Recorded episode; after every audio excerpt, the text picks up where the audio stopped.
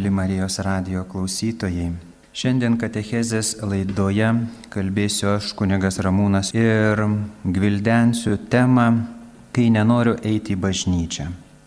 Būtų labai miela, kad šioje laidoje auditorija susirinktų toji, kuriai yra sunku peržengti bažnyčios lengsti, kuriai yra sunku peržengti ir savo mintyse, kad reikia eiti ir iš pažinties, arba kodėl aš negaliu nueiti į mišką pasivaikščiodamas kalbėtis su Dievu. Nieko tokio keisto arba naujo tame nėra. Todėl prieš pradėdamas šią katechezę noriu atsiversti Senąjį testamentą, antrąją Samuelio knygą, šeštąjį skyrių. Apie ką čia kalbama? Čia ką tik e, Dovydas buvo pateptas Izraelio karaliumi ir štai su sandoros skryne jisai keliauja į Jeruzalę. Nešant šią sandoros skrynę buvo toksai Abina Dabo sūnus Uza. Žinoma, mums tie vardai yra keisti ir čia nelabai ką mums padės, bet nešant sandoros skrynę, kuri buvo Uzo tėvo namuose, po to buvo nešama link Jeruzalės, tiesiog matė, kaip susvyravo skrynę, kuri buvo nešama ir ją nešė jaučiais. Tada jis pripuolė ir ranka skrynę prilaikė, kad ji nenuvirstų, nenukristų. Ir štai kas nutinka. Dievas parbloškė jį ten dėl to, kad jis palėtė ranką skrynę ir jis numirė ten šalia skrynios. Citatos pabaiga. Žinoma, Davidas visą tai matydamas jisai išsigasta. Ir štai ką jisai nusprendžia. Cituoju devintą eilutę. Ta diena Davidas pajuto viešpaties baimę ir sakė, kaip galiu leisti viešpaties skryniai ateiti pas mane Dovydas tada nebenorėjo gabenti viešpaties skrynios pas save į Dovido miestą, bet ją nugabeno į Oben Edomo gatietiečio namus. Viešpaties skrynė buvo Obed Edomo gatietiečio namuose tris mėnesius. Matot, net Dovydas išsigando viešpaties artumos. Ir jisai nusprendė, kad Skrynę tegul neša į kitus namus, ne į mano, o tai dar mane ištiks kaip neverta viešpaties tarna mirtis, nes jeigu jau Uza prisilietė ir mirė, tai ką aš be galiu sakyti, mane savyje Dovydas. Tai ši mintis labai dažnai persekioja tikinčiuosius, labai dažnai. Taip, jie yra pakrikštyti, jie myli Dievą, jie meldžiasi namuose, Tai ir tarp jūsų gal yra klausytojų tokių, kurie išeinate į gamtą, važiuojate į kalnus ir ten, na, tarsi arčiau Dievo aš esu. Tai kodėl man eiti į bažnyčią? Vienas iš argumentų. Antras argumentas būna dažnai nusivylimas. Einu iš pažinties, einu šventos komunijos, grįžtu namo ir štai vėl nusidedu. Praeina koks laiko tarpas ir vėl nusidedu. Tai kam tada eiti iš pažinties, jeigu aš vėl nusidedu? Šitokie klausimai, kada kyla, tada, žinokite, velnas laimėjo kovą. Kai nuleidi ranką ir nebenori melstis. Nebenori eiti kartu su viešpačiu. Jam didžiausia laimė. Tai reiškia, jisai pasiekė tave kaltindamas, nes jis yra didis kaltintojas mūsų visų, kaltintojas sakydamas, tai kam tau dabar ta išpažintis, juk vis tiek tu nusidedi. Tai kam čia dabar eiti į bažnyčią, juk tu vis tiek nesi sektinas, ten tobulas katalikas. Nesirodyk Dievo akivaizdoje, jei nesi tyras. Net Izraelio tauta tai žinojo, kad viešpaties akivaizdoje turiu būti apsiplovęs, nusivalęs.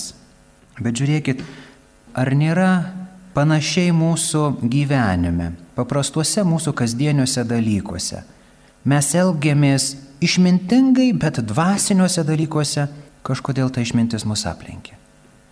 Įsivaizduokite, susirkote. Turite, nežinau, 38, 39, gal net 40 temperatūros karščio. Karščiuojate, prakaituojate. Ir štai prieina prie jūsų artimas žmogus ir sako, brangusis, važiuojam pas daktarą, nes aš jau vaistais nebesuvaldau tavo karščiavimo, čia kažkas yra daug daugiau.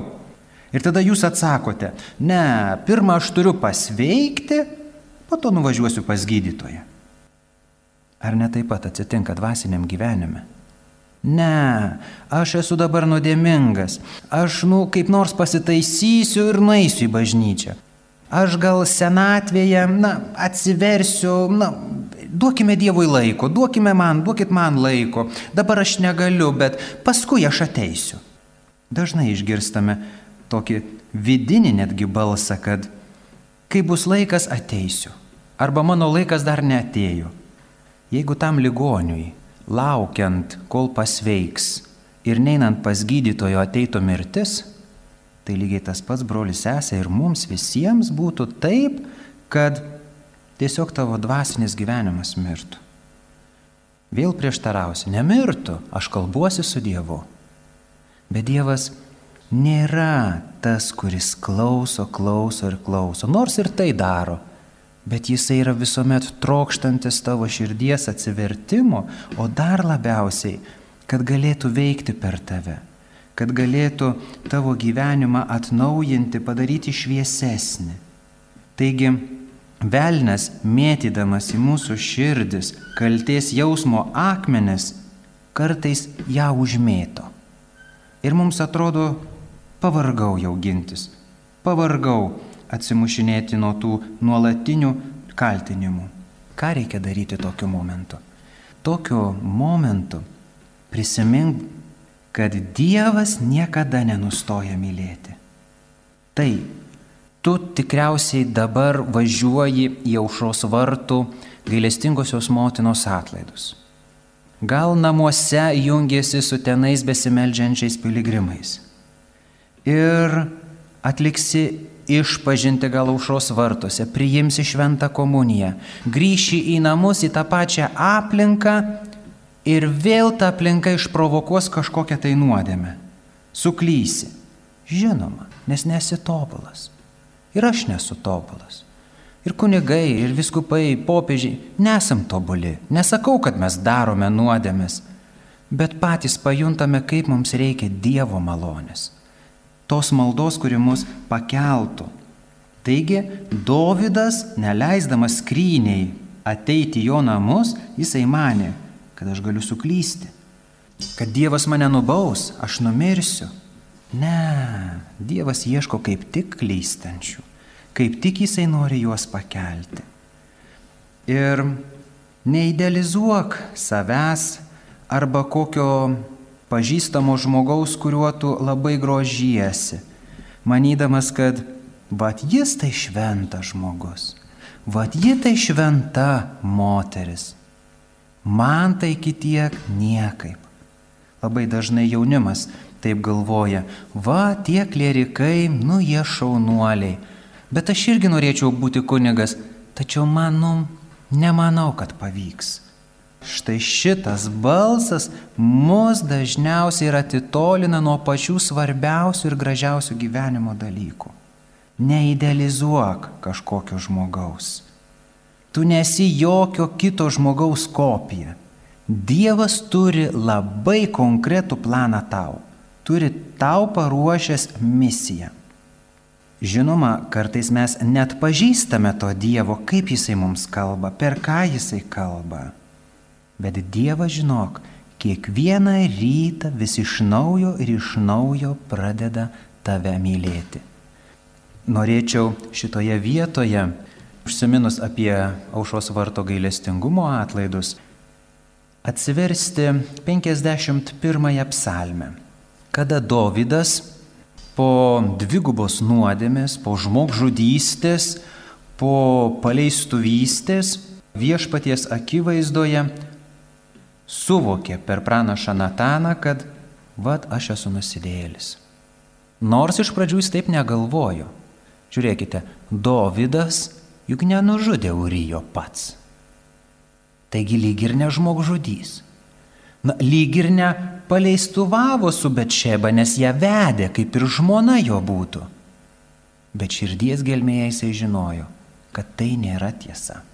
Taigi jisai puola ant kelių ir sako, pasigailėk manęs Dieve iš savo gerumo, iš savo begalinio gailestingumo, sunaikink mano maištingus darbus, nuvalyk mane nuo nuodėmės. Ką reiškia? Dovydas prašo viešpatie, užmiršk mano nuodėmę. Ką reiškia užmiršti nuodėmę? Užmiršti įžeidimą. Mums žmonėms žinoma yra labai sunku tai padaryti.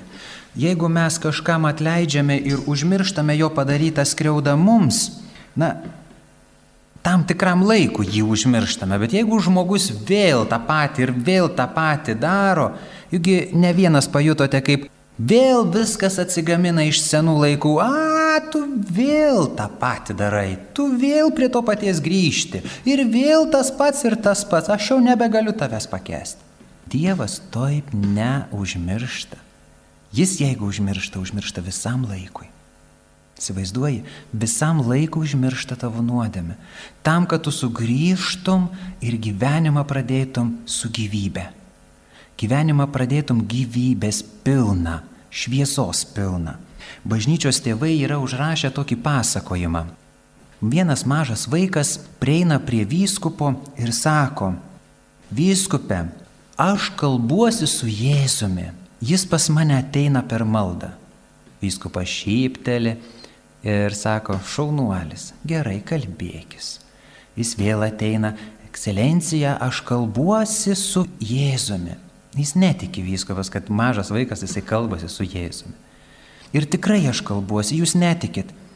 Jisai šypteli, pasilenkia prie vaiko ir sako, patikėsiu, jeigu tau Jėzus pasakys mano nuodėmes. Vaikas ateina po kiek tai laiko ir sako, vyskupė, aš vėl kalbėjusi su Jėzumi.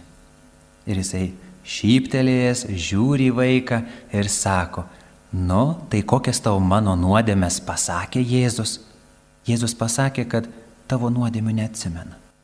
Tada vyskupas prisimena, jog neseniai buvo atlikęs išpažinti. Jėzus nebeprisimena nuodėmių. Žinoma, susigaudino vyskupas ir labai pasigailėjo už tos žodžius, kuriuos pasakė tam mažam vaikui. Taigi, velnės tave kaltindamas nuolat nori tau priminti, kad ne, ne, tau Dievas net leido visko. Žiūrėk, kaip tau nesiseka, žiūrėk, kaip tavo gyvenimas koks praeitas buvo, purvinas, gal, gal, gal netgi skausmingas, įžeidžiantis. Tai ką man tada daryti, jeigu baimė pripildo mano širdį? Kai kurie, žinoma, pasiduoda. Ir vėl sako, neįsiu aš į bažnyčią, man ten gėda būti, į mane ten žiūri, Negaliu eiti iš pažinties, nes bijau, ką kunigas be pasakys. Negaliu eiti komunijos, nes nesu atlikęs išpažinti. Nematome tokioje vietoje, brolis esė, Dievo meilės gelmės. Ir vėl pradėsiu tais pačiais 51 psalmės žodžiais. Pasigailėk manęs Dieve iš savo gerumo, šaukia Dovydas, iš savo begalinio gailestingumo eikime gilin, eikime į tą Dievo meilės gelmę. Ką reiškia tie žodžiai pasigailėk manęs? Hebrajų kalboje tai skambėtų honenich, honenich, liepiamąją nuosaką.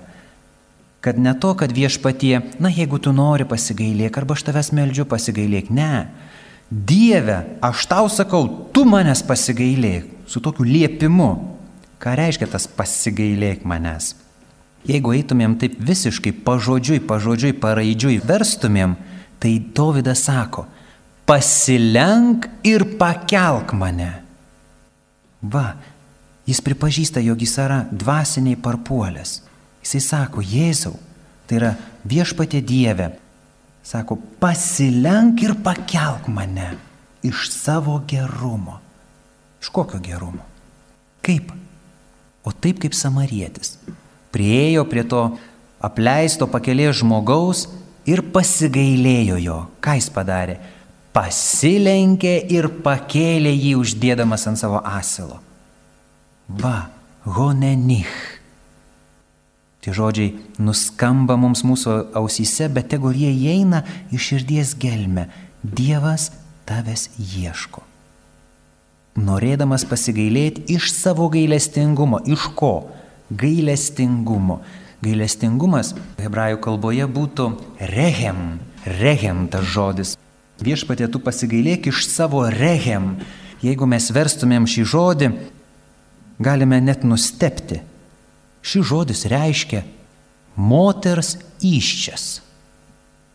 Tai reiškia, mes sakome, Dieve, tu pasigailėk mane tarsi iš iščių, iš visos savo gelmės. Mums vyrams gal yra sunku suprasti, kaip galima pasigailėti iš tų iščių.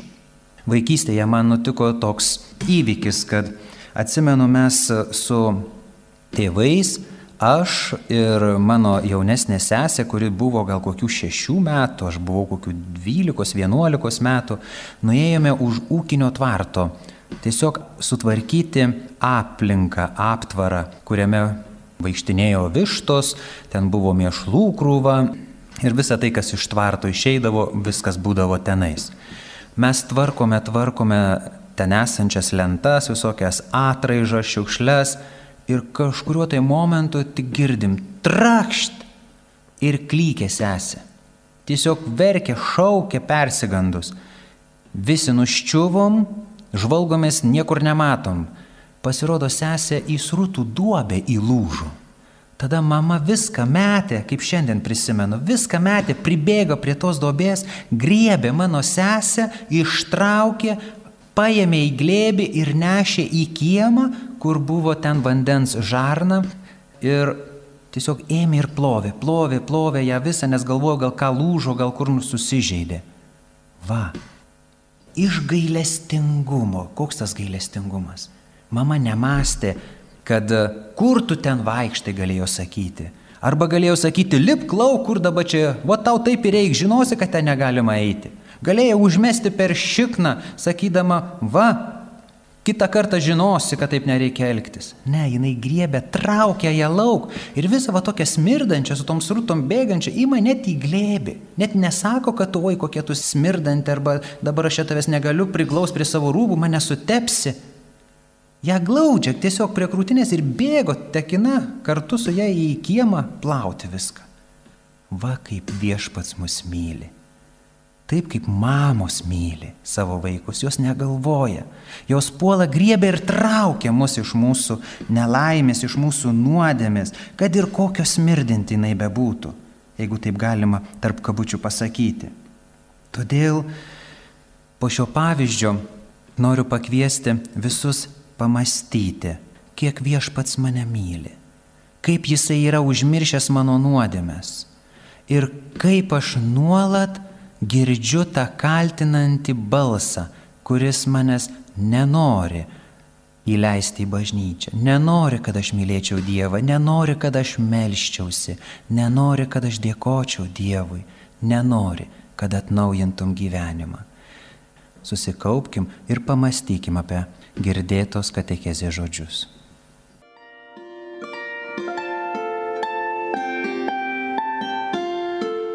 Jūs girdite Marijos radiją.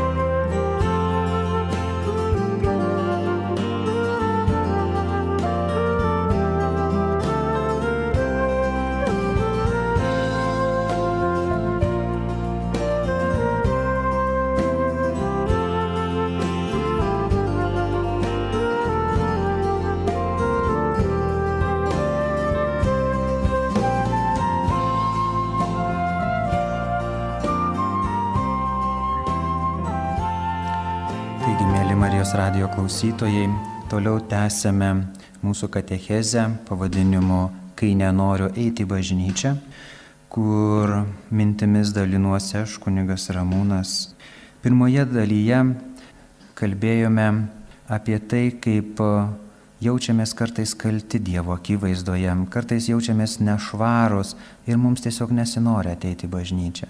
Taip kaip ir Dovydui nesinorėjo priimti viešpaties skrynios į savo namus, nes bijojo.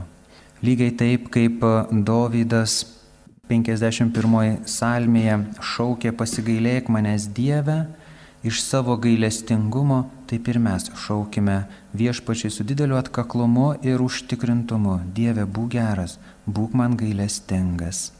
Taigi, tęsdamas mintį, noriu priminti, kad toje pačioje antrojoje Samuelio knygoje šeštos skyriaus atkarpoje po perskaitytos mūsų ištraukos, jog Davidas skrynę nusintė į kito žmogaus namus ir ten pabuvo tris mėnesius ir toliau eilutė cituoju, tęsiasi tokiais žodžiais. Ir viešpats palaimino Obed Edomą ir visą jo šeimyną. Karaliui Dovydui buvo pranešta, viešpats palaimino Obed Edomo šeimyną ir visą, kas jam priklauso, už Dievo skrynę.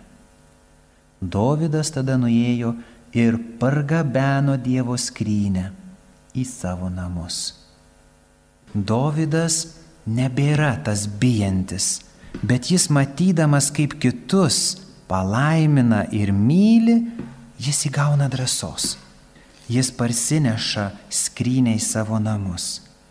Tai va, kartais ir mums taip nutinka, jog yra daug lengviau patikėti Dievo stebuklais, kurie nutinka pasaulyje, negu tuo, kad Dievas man atleido. Jisai mirė už mano nuodėmes. Ir sunku kitas tik taip patikėti, nu negi iš tikrųjų taip visiškai atleido. Kai buvote maži, nežinau, ar jums buvo toksai panašus jausmas, aš prisimenu, kada buvau, nežinau, kelių metukų, bet atsimenu tokį įvykį, kad man, besimaudant vonioje, būnant ten ilgą laiką, žaidžiant su kažkokiais ten žaisliukais, aš atsimenu kaip šiandien tą momentą, kada netikėtai žvilgtelėjau į savo delnus Ir jie buvo nuo vandens tiek išmirkę, tokie susiraukšlėję. Ir aš tiek pradėjau verkti. Tiesiog galvojau viskas, kas nutiko mano delnams. Nežinojau netgi, ką dabar daryti. Pradėjau verkti, atbėgo mama, parodžiau, dėl ko verkiu, jinai nusišypsojo, apsisuko ir išėjo, sako, po to viskas bus gerai. Atsimenu, po tuos maudynės toliau žiūrėjau į tas rankas ir po kiek tai laiko užsimiršęs vėl žvilgtelėjau rankos tokios, kaip buvo, nebėra raukšlėtos. Tai lygiai tas pats ir su mūsų siela yra, kai viešpats atleidžia mums nuodėmes. Jeigu jinai buvo, kaip sako Izaijas, paraudosi nuo nuodėmių, jinai tampa išbalinta kaip sniegas. Pirmam skyriuje sako Izaijo knygos viešpats, eik šiandien, drauge pasvarstykim Viešpats kviečia tave, pakviečia. Ir nuo Senojo testamento, jeigu neičiau prie Naujojo testamento, būtų kažkas neišbaigto. Bet šį kartą pasirenku Evangeliją pagal Joną 21 skyrių. Jėzus mirė ant kryžiaus, buvo palaidotas ir prisikėlė. Prisikėlęs karts nuo karto vis pasirodo savo mokiniams. Mokiniai gavę visą šitą krūvę ant savo pečių, kad mirė jų viešpats, Jėzus, kuriuo pasitikėjo. Po to moteris atbėgo ir sako, kad jis prisikėlė, jau mokiniai nebegalėjo tiesiog pakelti psichologiškai. Ir Petras tam tikrų metų sako, 21 skyriaus Evangelijoje pagal Joną trečioje eilutėje, einu žvejoti. Tiesiog sugrįžta prie to, ką ir darė seniau. Tada apaštalai irgi sako, ir mes einam su tavim. Jie nuėjo ir sulipo į valtį, tačiau tą naktį nieko nesugavo. Rytui auštant, ant kranto pasirodė bestuvys Jėzus. Mokiniai nepažino, kad ten Jėzaus esama, o Jėzus jiem tarė, vaikeliai, ar turite ko valgyti? Tie atsakė, ne. Šitoje vietoje, kada apmastau Evangelijos žodžius, tai tikrai įsivaizduoju, kad apaštalai tyvuliuoja ten ant to ežero, Jėzus miręs, kažkokios kalbos pasklido, kad jis pavoktas, kad jis prisikėlė tatai, kažkas jau jį matė, jie tyvuliuoja ant to ežero, kažkas ten nuo kranto šaukia, ar pagavote, dar labiau erzina ir taip niekas visą naktį nekibo, dar tarsi tyčiojasi, gal pagavote ką nors. Tai tikrai mūsų Petras net neatsisukęs į tą krantą tiesiog atšaukė taip tokiu paniekinančiu gal kokiu žodžiu arba atmentančiu tonu, sakydamas, ne, žinoma, kad nieko nepagavo. Tuomet Jėzus, žiūrėkit, ką sako. Užmeskite tinklą į dešinę nuo valties ir pagausite. Ar jūs įsivaizduojat, kas atsitinka Petro širdį? Nežinau netgi aš, bet mano širdis aš nežinau, persigandusi būtų. Juk tie patys žodžiai nuskambėjo ir kada Petrą Jėzus pasišaukė. Taip kaip buvo pradžioje, nuskamba ir dabar nuo kranto, į kurį gal jis net nepažvelgė. Jam logika yra pažįstama.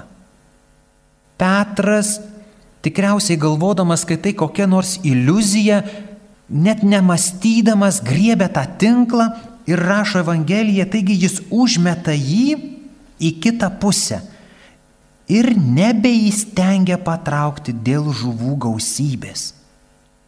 Jis galvoja, viskas kartojasi. Tarsi tikrai Jėzus ten būtų ant to kranto. Bijo gal net pažvelgti į tą krantą. Ir štai esantis šalia brolis Jonas jį padrasina. Petrai, bet juk tai viešpats. Ir išgirdęs tuos žodžius, Simonas Petras persijuose, nes buvo nepersirijuosias, užsimeta palaidinę ir šoka į ežerą. Nenori laukti nieko, nenori pramesti tos akimirkos, plaukia link kranto, nors tas krantas gal tolokai. Plaukia, atplaukia, žiūri, tikrai Jėzus. Mokiniai atsijėrė su valtėm iš paskos, temdami tą tinklą, kurio neįgali netgi pakelti. Ir štai ką devinta eilutė sako. Išlipę į krantą, jie pamatė žėrinčią žarijas, ant jų padėtą žuvį ir duonos. Jėzus tarsi laukia žuvies, bet jis jau turi tą žuvį. Jis turi net ir duonos. Matot, Jėzui nereikia to, ką mes atnešim jam. Jis jau turi. Tik jisai ieško progos, kaip mus užkalbinti. Išgirsk to žodžius. Pasimokink iš tos scenos, kuri jau įvyko apaštalams ir yra užrašyta 21 skyriuje Evangelijoje pagal Joną. Perskaityk tu pats, permastyk. Ir pamatysi, kaip viešpats tau pradės kalbėti. Kas nutinka ant to kranto? Jėzus ruošia pusryčius tiems, kurie, na sakykime, jį paliko, kai jis nešė kryžių. Nebuvo gal netgi ir po kryžiumi išskyrus Joną. Kažkur buvo pasislėpę iš kampų, gal žiūrėjo, o po to nepaneždami to krūvio tiesiog moja ranka ir grįžta prie savo pirmykštės veiklos. Ar taip nebūna mums? Kada kovojam, kovojam su kokia nors tai įda, norime kažkokią darybę išsiugdyti, nu nepasiseka. Ir vėl nepasiseka, ir vėl nepasiseka, ir jau dešimt metų kaip nebepasiseka. Ir kartai žmogus nuleidžia rankas, ai, nepasiekiama man ta darybė tiek to grįšiu prie savo kaip ir buvau, ką aš čia save kankinsiu. Šitoje vietoje mes suklystame. Tačiau tas suklydimas nėra toks, kuris neturėtų atgalinio kelio. Jėzus tavęs ieško. Ir šiandien tau sako, kaip tau sekasi tavo dabartinėme gyvenime, kuris gal dabar yra lygiai toksai pat, kurį gyvenai prieš atsiverčiant, nes nusivyliai, nes nepavyko, neištvėriai, Dievo gailestingumu nepasitikėjai, nuleidai rankas, gal netgi girdi savo širdyje Dievo kvietimo balsą į kunigystę, į vienuolyje, bet nesi vaikinas ar mergina, kurią padrasina kažkas, kuris turėtų drąsos, iš kur jos pasisemti. Pasisemk iš šitos vietos. Žiūrėk, Dievas eina ieškoti žmogaus. Dievas pradeda paiešką, jis inicijuoja. Tau reikia atsiliepti, išgirsti. Žiūrėkite tą sceną apie Zachėjaus troškimą pamatyti Jėzų. Įlipa jisai į šilkmedį ir žiūri, kur tas Jėzus. Įsivaizduokite, jeigu Jėzus būtų prieėjęs prie šilkmedžio ir sakęs, Zachėjau, jeigu atiduosi visą tai, ką pavogiai ir keturgubai atlyginsi visiems, ką nuskriaudėjai, aš ateisiu į tavo namus. Zachėjus būtų įsižeidęs. Būtų tikrai nelipęs iš to šilkmečio ir būtų tikrai nenorėjęs, kad Jėzus ateitų į tuos namus. Jėzus būtų įėjęs ir praėjęs. Aišku, gal būtų buvus koks tai sąžinės greužimas. Bet Jėzaus taktika yra kita. Yra taktika ta, kuria gyvena ir jo dangiškas tėvas. Jisai sako, Zahiejau, lipk žemyn aš noriu šiandien ateiti į tavo namus. Zakėjus tiesiog sužavėtas, gal net šoktai šoka iš to medžio. Jį nulydė į savo namus, paruošia vaišes, valgo, kalbas ir žiūri, Jėzus visiškai jo nesmerkia. Visiškai jo nekaltina. Ir toje akių šviesoje, kuris klinda iš Jėzaus, jisai sako, Jėzau, mano gyvenimas nėra geras. Man nesiseka gyventi taip, kaip tu mokai, todėl aš noriu pasikeisti. Aš atiduosiu pusę turto vargšams ir keturgubai atlyginsiu visiems tiems, ką nuskriaudžiau. Ir Jėzus sako, į tavo namą šiandien atėjo išganimas. Išgirs brolis esę, tark savo vardą dabar ir aš tęsiu toliau.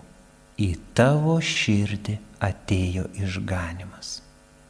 Štai kodėl mums reikalingi aušos vartų gailestingumo atlaidai. Štai kodėl mums reikalingi Šiluvos mergelės Marijos atlaidai. Štai kodėl mums reikalingi Žemaičių kalvarijoje apmastomas kryžiaus kelias ir ten esantis atlaidai, kad mes patikėtumėm, jog Dievas mus begaliniai myli. Jog Dievas mus atpirko ant kryžiaus atidavė savo gyvybę už mus.